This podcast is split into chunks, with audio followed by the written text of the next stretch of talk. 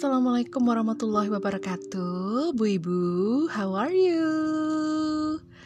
Sehat dan bahagia? Good for you Semoga senantiasa seperti itu ya Bu And of course, tetap semangat dalam menjalani hari demi hari Meski kadang ada aja ya yang bikin oleng Nah, biar nggak oleng, melipir bentar aja yuk dengerin podcast Bu Ibu by Ibu Bu Ibu, aku mau cerita boleh ya? Boleh dong. Ah. Bu Ibu juga kalau mau kirim cerita ke podcast Bu Ibu juga boleh kok. Kirim aja ke DM Instagram ya, at podcast Bu Ibu. Uh, jadi gini Bu, ya sekitar semingguan yang lalu nih, hmm, aku tuh lagi nonton TV habis maghrib gitu. Aku merasa dikejutkan dengan anak keduaku yang tiba-tiba pulang dari main bersama teman-temannya. Lalu dia itu masuk kamar dan berbicara agak keras dengan nada marah gitu. Terus aku sedikit mendengar suara suara terisak-isak gitu kepada kakaknya kurang jelas sih dia ngomong apa karena pintu kamar itu sedikit tertutup. Tapi kemudian aku denger kakaknya bertanya, "Kamu kenapa sih?" Dia gitu. Lalu anak keduaku ini kembali terisak-isak, lalu berbicara sambil nangis. Tapi tetap aku nggak bisa nangkep dia itu ngomong apa.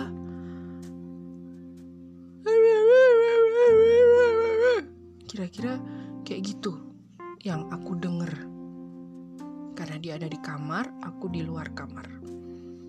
Uh, for your information ya bu, yang nangis-nangis itu anak keduaku umur 10 tahun, seorang laki-laki. Langsung aku ikut masuk ke kamar dan aku lihat apa yang sebenarnya terjadi. Mukanya itu basah karena air matanya itu masih ngucur dari matanya nafas dan suaranya itu terisak-isak dan ekspresinya sedih campur marah. Aku cuma liatin dia. Aku nggak langsung bertanya sama dia. Aku tanya dulu ke kakaknya cewek. Mbak, ada apa sih? Kenapa sih kok dia nangis? Berantem sama kamu? kakaknya cuma menjawab, nggak tahu bu. Dia tiba-tiba masuk terus bilang, pinjam HP-nya, cepetan. Gitu. Aku tanya mau buat apa. Eh, dianya malah marah-marah. Nangis-nangis bilang, cepetan, aku mau hapus. Ya udah aku kasih aja. Terus nangis-nangis sambil ngomong apa nggak jelas.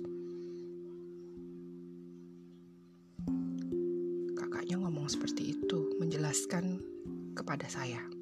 Terus saya tanya lagi, beneran gak berantem sama kamu mbak? Dia jawab enggak. Lantas, aku mulai melihat anak keduaku yang masih dengan ekspresi marah itu, tapi dia itu sambil lihat layar HP dan tangannya itu sibuk menyentuh-nyentuh layar HP gitu loh. Aku mulai tanya, Bener mas, kamu gak berantem sama mbak. Dia diem, gak mau jawab. Aku tanya lagi. Ibu kaget loh barusan lihat kamu tuh lari-lari masuk rumah, terus buru-buru masuk kamar, dan dengar suara kamu nangis sambil marah-marah. Marah-marahnya sama mbak apa bukan? Dia lalu jawab, bukan. Lalu aku biarkan dia meredakan dulu isakan tangisnya dengan wajah yang masih ditekuk dan masih terpusat dengan HP yang dipegangnya. Nah, beberapa saat kemudian aku mulai nanya lagi. Mas, kamu tuh tadi kenapa? Cerita sama ibu. Dia hendak mulai membuka mulutnya untuk bercerita, tapi matanya itu kembali berkaca-kaca gitu. Aku lihat banget. Lalu tiba-tiba kembali nangis. Ya sudah, aku tunggu dulu beberapa saat biar dia selesaikan dulu tangisnya. Lalu akhirnya dia mulai bicara, tapi tidak jelas ku dengar karena bercampur dengan tangisan, isakan, serta nafas yang gak teratur.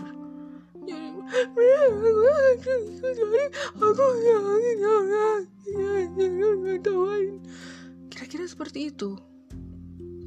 Bisa bayangin kan ya bu, anak nangis tapi sambil mau cerita, tapi sambil marah, tapi nafasnya kayak gitu orang kalau lagi nangis gitu kan. Lantas akhirnya aku bilang, udah selesaiin dulu aja nangisnya nggak apa-apa, nanti baru cerita. Tapi aku nggak ninggalin bu, aku tetap di depannya dan aku nggak keluar dari kamar. Aku cuma nungguin dia selesai nangis dulu. Lalu pelan-pelan mulai berkurang tangisnya, mulai berkurang isakannya dan akhirnya anak keduaku itu mulai menata napasnya kembali. Aku seka air mata di wajahnya lalu aku lihat matanya. Gimana? Kenapa tadi? Hah? Lalu dia mulai cerita. Aku diketawain Mas Fadil. Bukan nama sebenarnya ya ini ya. Lalu dia mulai terisak lagi, Bu.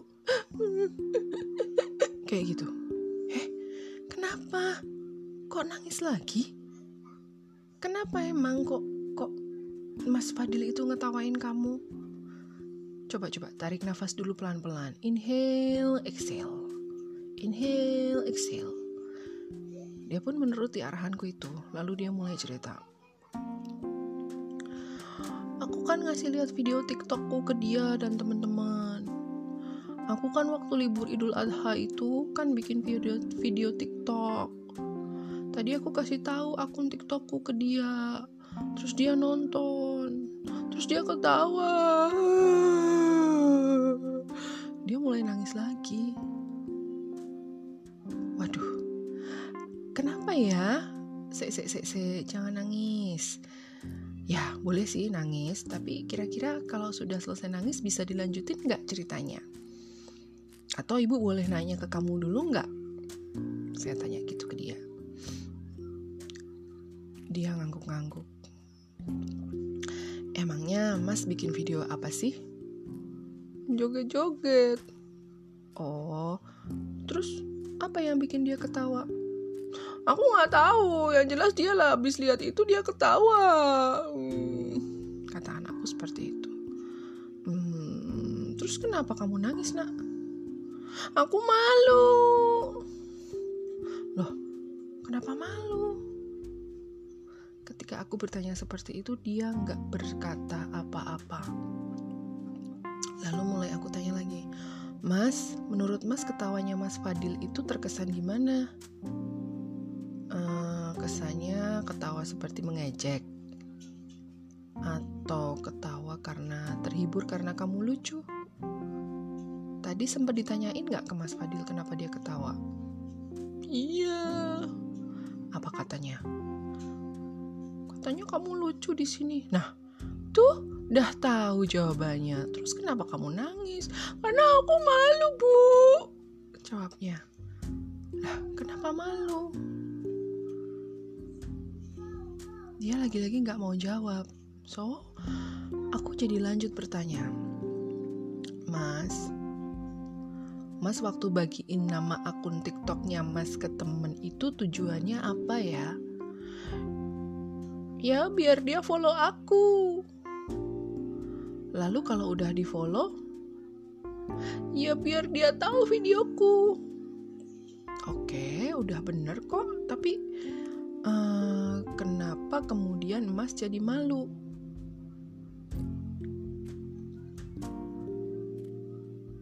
Emang sih kadang-kadang kalau kita nggak tahu alasan seseorang tertawa setelah melihat kita, itu bikin kita ngerasa serba salah ya mas ya.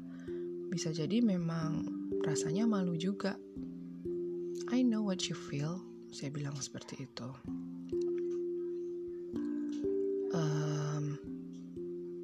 Lalu saya lanjutkan lagi bertanya sama dia. Saya ngobrol sama dia. Kenapa sih kemudian Mas jadi malu? Bukannya fungsinya orang lain memfollow akunnya Mas itu kan memang biar bisa lihat isi akunnya Mas itu videonya apa aja. Ya kan? Kalau orang-orang itu nonton videomu lalu dia ngasih like, apakah kamu akan malu, Mas? Coba deh diingat-ingat lagi waktu pas kamu bikin video itu. Mas ingat-ingat lagi kenapa Mas bikin. Ya karena aku bisa joget gitu juga. Terus biar ada uploadan di akunku. Dia jawab gitu, Bu. Oke. Waktu kamu bikin, ada perasaan malu nggak di depan kamera? Enggak. Oke. Pas upload hasilnya, kamu merasa video itu akan ditonton orang banyak nggak? Iya. Tujuannya apa sih upload video itu, Mas?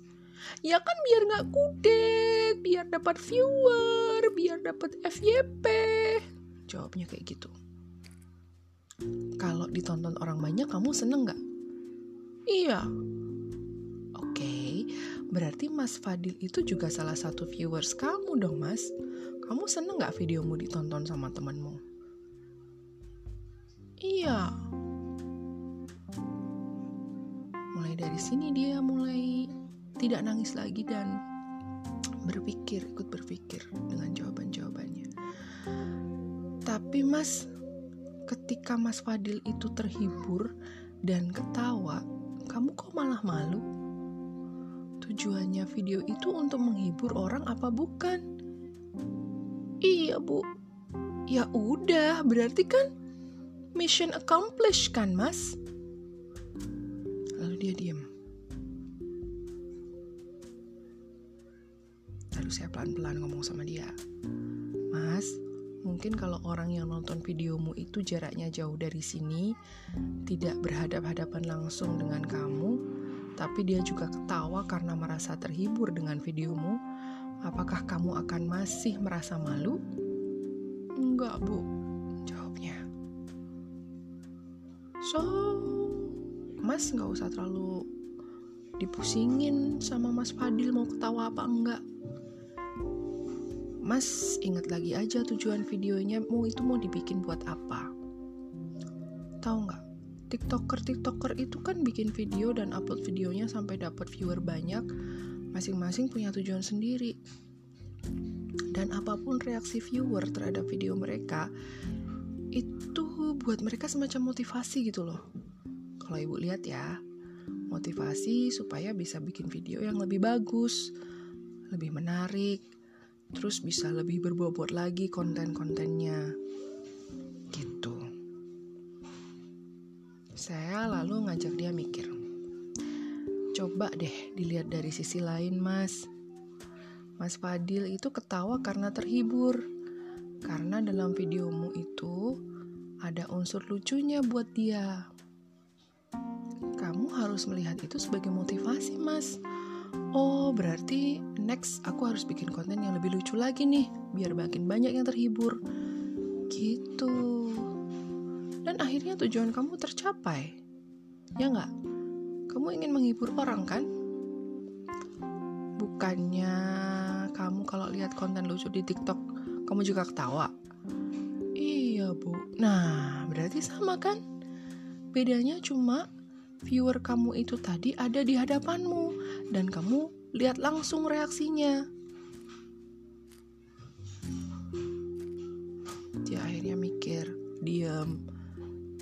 Tidak nangis lagi. Dan saya lanjutkan ngobrol sama dia. Mas, Mas itu baru merasa malu kalau konten videonya Mas itu nggak etis. Kalau di videonya Mas itu ngomongnya pakai bahasa yang nggak sopan, terus jelek-jelekin orang atau isinya vulgar, itu Mas harus malu di situ. Tapi kalau selama kontennya Mas positif, ya Mas pede-pede aja. Belum tentu Mas Fadil bisa bikin konten kayak kamu, ya kan? Nah, Apalagi kalau dia nonton videomu lalu ketawanya ngejek. Kamu ya jangan lari pulang, Mas. Justru hadapi. Adepin Mas Fadil. Tanya ke dia. Kenapa ketawa? Emangnya kamu bisa bikin video kayak aku tadi? Gitu aja. Karena nggak semua orang bisa bikin konten video untuk medsos loh. Apalagi yang kontennya bagus loh. Nah, yang Mas lakuin itu udah bagus. Punya keberanian buat nyoba konten. Punya kepercayaan diri buat upload video di medsos. Biarin aja orang komentar apa. Selama kita bikinnya nggak ngerugiin orang lain selama video kita nggak jelekin orang lain. Dan yang pasti, Mas bisa mempertanggungjawabkan itu. Nggak usah ragu dan nggak usah malu, Mas. Saya bilang gitu sama anak saya. Ibu ngerti kok perasaanmu. Merasa malu itu wajar. Tapi jangan sampai itu bikin kamu berhenti berkreasi. Ya, dia pun ngangguk-ngangguk. Bu Ibu, panjang ya ceritanya. Tapi ini emang real kejadian kok. Dan aku juga yakin ada bu ibu yang juga pernah ngalamin kayak gini. Anak-anak tiba-tiba nangis atau marah karena sesuatu hal, tapi uh, mereka sendiri belum begitu paham apa yang dirasakannya, belum begitu paham ekspresi atau emosi yang dikeluarkan itu sudah sesuai atau belum. Nah, Di sinilah peran kita sebagai orang tua, sebagai ibunya, untuk bisa memvalidasi perasaan mereka. Wah, Bu Inung ngomong apa lagi sih? Apa itu Bu Inung? Validasi-validasi tadi. Temennya likuidasi. Bukan Bu. Validasi adalah cara untuk membiarkan seseorang tahu bahwa kita memahami diri mereka. Dipahami itu adalah unsur penting untuk merasa terhubung, connected dan didukung alias supported. Ya kan? Ketika seseorang yang penting bagi anak memahami diri mereka kita nih terutama ibu-ibu mereka penerimaan kita atas ekspresi emosi mereka itu akan membantu si anak-anak ini untuk menyesuaikan diri dan akhirnya bisa menerima emosi sebagai sesuatu yang real dan bermakna bahwa sebenarnya meluapkan emosi dan ekspresi itu boleh gitu loh in in the end hal ini bisa membangun kepribadian anak juga supaya bisa berempati dengan orang lain gitu. Kalau kita sebagai ibunya aja sudah bisa memvalidasi perasaan mereka bahwa oh iya kamu lagi sedih ya. Ibu juga kalau kamu sedih ibu juga ikut sedih deh. Kenapa sih sedih? Gitu. Kita membuka diri untuk bisa menerima emosi mereka akhirnya anak-anak diharapkan nanti ada sisi baik dari diri mereka untuk bisa berempati terhadap orang lain gitu loh bu. Nah, kenapa kok validasi perasaan anak ini penting? It's very important anyway karena uh, kemampuan seorang anak untuk mengatur emosi itu nantinya akan mempengaruhi hubungan dengan keluarga, dengan teman, dan juga prestasinya kayak gitu. Bahkan Nah, validasi perasaan itu juga bisa mempengaruhi kesehatan mental jangka panjang, seperti mencegahnya dari trauma hingga uh, turut mempengaruhi kesuksesan anak kelak ya di masa yang akan datang. Nah, ini saya cukil dari laman resmi Manhattan Psychology Group. Dikatakan di sana bahwa dengan validasi pengalaman emosional anak, Orang tua itu bisa membantu mereka belajar bagaimana cara menangani emosi besar yang sering menyebabkan amukan dan juga konflik dalam keluarga. Validasi perasaan juga bisa membantu anak-anak belajar mengatur diri sendiri. Gitu. Ya. Jadi sebenarnya ketika kita uh, memvalidasi perasaan anak, ekspresi marah atau ekspresi sedih, itu sebenarnya justru membantu mereka untuk how to handle their emotion and uh, their uh, their management of emotion kayak gitu loh. Jadi mereka akhirnya bisa manage emosinya sendiri gitu. Nah, caranya bagaimana? Dari apa yang saya baca, dari apa yang kemudian saya praktekkan adalah cara memvalidasi perasaan anak itu adalah yang paling paling gampang itu sebenarnya tidak dengan menghakimi mereka. Don't judge them gitu loh, tapi justru dengan menunjukkan empati yang sangat mendalam. Kenapa? Ini akan membantu membangun harga diri anak dan mengurangi perilaku menentangnya.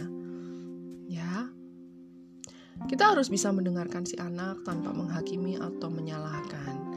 Yang perlu kita lakukan itu sebagai orang tua hanya mengakui perasaan mereka dan tidak memaksa mereka untuk denial, untuk menampik apa yang sedang mereka rasakan. Ya. Tentunya ini butuh kesadaran dari orang tua juga sih, dari kita bu ibu nih terutama nih ya. Dan juga uh, upayanya memang tidak segampang membalikan telapak tangan gitu. Memang butuh uh, kesabaran yang paling paling paling dibutuhkan pada saat memvalidasi perasaan anak itu adalah kesabaran. Nah, contohnya gimana sih misalnya dengan tidak menghakimi anak-anak itu gimana sih misalnya oh misalnya ketika tadi aku uh, dengar anakku nangis terus kemudian cerita aku diketawain gini gini gini gini sebaiknya kita tidak memakai ungkapan ya gitu doang nangis. Ella gitu aja cengeng. Dia kan cuma ketawa doang? Emang dia ngetawain kamu? Wah komentar-komentar yang seperti itu tuh kita harus hindari bu. Karena justru komentar-komentar atau frasa-frasa seperti itu tuh mengesankan bahwa perasaan anak kita tuh nggak ada apa-apanya gitu dibanding dengan hal yang sedang dihadapinya. Yang padahal menurutnya itu adalah sesuatu yang besar dan sifatnya katastrofik ya bencana gitu sehingga dia itu nangis atau marah banget. Ya kan? Kita nggak tahu yang dihadapin itu adalah sesuatu yang ternyata menyinggung emosinya dia tapi ketika dia berusaha untuk menceritakan, mengadu kepada kita yang dianggapnya sebagai orang yang bisa memprotek dirinya, kita malah memberikan judgement yang itu aja baper. Ketawain balik lah, eh, itu sebenarnya nggak bener gitu loh. Ah, gitu ada gitu doang nangis. Emang salahnya apa orang ketawa? Kita nggak tahu. Mungkin dia memang benar-benar tersinggung karena diketawain sama temennya ya kan? Nah terus pakai kalimat apa ya? Ya misalnya bu ibu bisa pilih kalimat seperti kok bisa gitu ya? Kenapa ya kok bisa ketawa karena lihat video kamu? Wah ngagetin banget ya, sedih banget mesti ya. Seperti itu.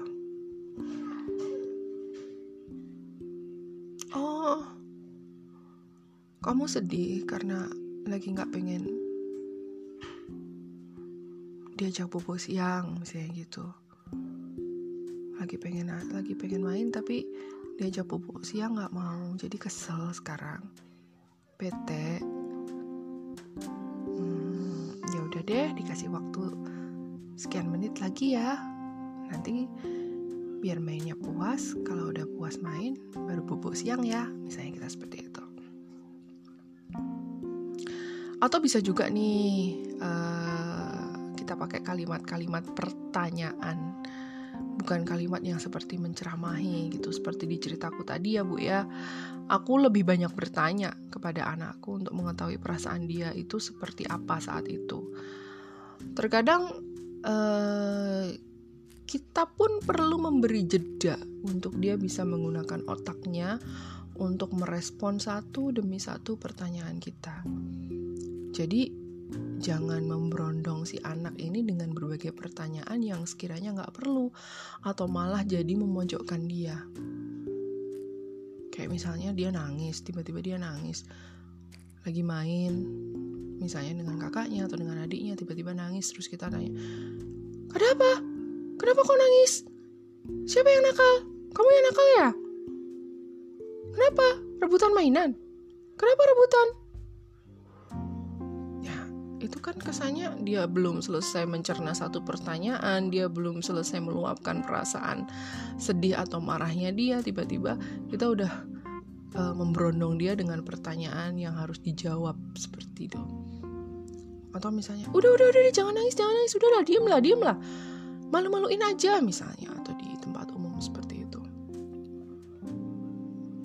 kadang-kadang kan kita seperti itu ya anak kesel anak nangis anak marah.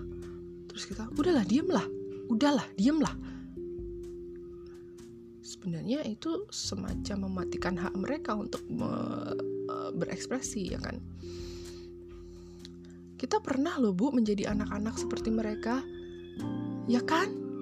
Sebelum kita jadi ibu-ibu kan kita juga pernah jadi anak-anak ya nggak sih? Tentunya kita juga pernah dong merasakan emosi yang sama dan gimana kita ingin dipahami saat kita masih anak-anak dulu? Masih ingat kan ya? Nah kalau ibu pernah merasakan emosi yang sama saat anak-anak dulu dan bagaimana kita pengen dipahami tentu ini bisa jadi pegangan juga saat kita memvalidasi perasaan mereka. Ya kan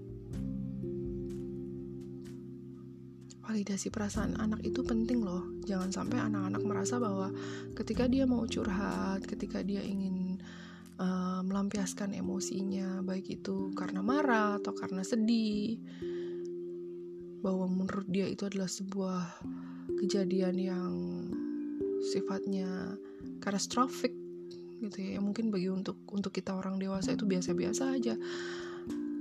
Tapi sebenarnya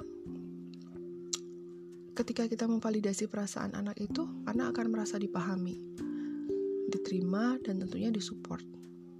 Jangan sampai saat anak kita mulai berubah perilakunya, misalnya diam sepanjang hari, semacam gak pengen berkomunikasi dengan siapa pun, tapi tatapannya kosong, kita tidak punya kesadaran untuk validasi perasaan mereka, dan akhirnya si anak malah kena mental karena nggak bisa mengekspresikan perasaannya kepada orang terdekatnya, yaitu orang tuanya sendiri. Jadi sebenarnya kita pun juga dituntut buat uh, benar-benar penuh kesadaran dalam memperhatikan perubahan perilaku, memperhatikan perubahan mood, dan juga perasaan dan juga emosi anak. Gitu. Beberapa kasus yang terjadi terhadap anak-anak belakangan ini anak sampai meninggal karena dibully, mungkin karena dia pada saat ingin berkomunikasi dengan orang tuanya, orang tuanya tidak cukup sadar untuk uh, memvalidasi perasaannya seperti apa, atau misalnya anak tidak berani untuk bercerita kepada orang tuanya karena orang tuanya menganggap bahwa tidak perlu validasi perasaan anak seperti itu bahwa ah itu itu biasa buat anak-anak gitu. Itu hanya bercandaan itu hanya ini. Hanya hal-hal yang sifatnya mainan untuk anak-anak. Padahal sebenarnya validasi perasaan anak itu sangat penting ya kan? Jangan sampai kita terlambat menyadari bahwa sebenarnya anak kita sedang mengalami perubahan mood atau perubahan emosi tertentu. Jangan sampai anak kita merasa bahwa justru orang tuanya sendiri tidak bisa mensupport apa yang sedang uh, dialaminya itu, tidak bisa memahami dan mensupport keadaan yang sedang dialaminya. Siap Bu Ibu? Ya, make sure that you are there for your children bahwa ibu-ibu siap untuk secara sadar hadir untuk memvalidasi perasaan anak anytime, anywhere. Anak lagi tantrum, jangan langsung dibentak-bentak, apalagi di depan umum. Minta mainan gak dikasih, gak dibeliin, jangan. Udah ayo pulang, ayo pulang, ayo pulang diam diam diam. Jangan nangis terus. Malu-maluin.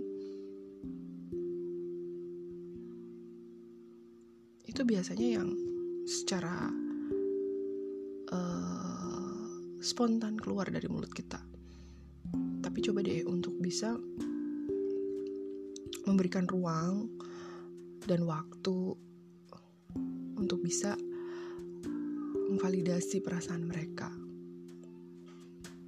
Ingat bu, ibu dulu juga pernah anak-anak loh, ya kan? Ya, coba sekarang ibu-ibu lebih mengerti perasaan mereka, ya kan? Siap bu ibu? Semoga podcast kali ini bisa mengilhami ibu ibu untuk mulai memperhatikan setiap detail perubahan emosi anak-anak ya. Semoga Bu Ibu pun diberi kemampuan emotional management yang mumpuni.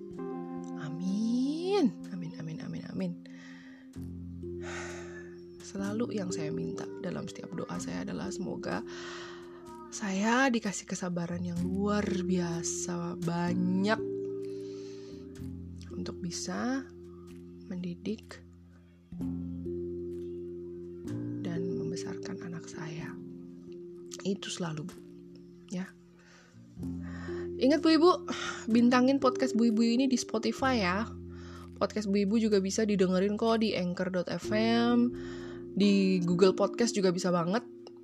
Nah, kalau mau berbagi cerita, feedback, komen, usulan tema juga bisa. Silahkan uh, langsung DM aja ke Instagram at podcastbuibu atau ke akun pribadi saya nuraini underscore Chandra Dewi.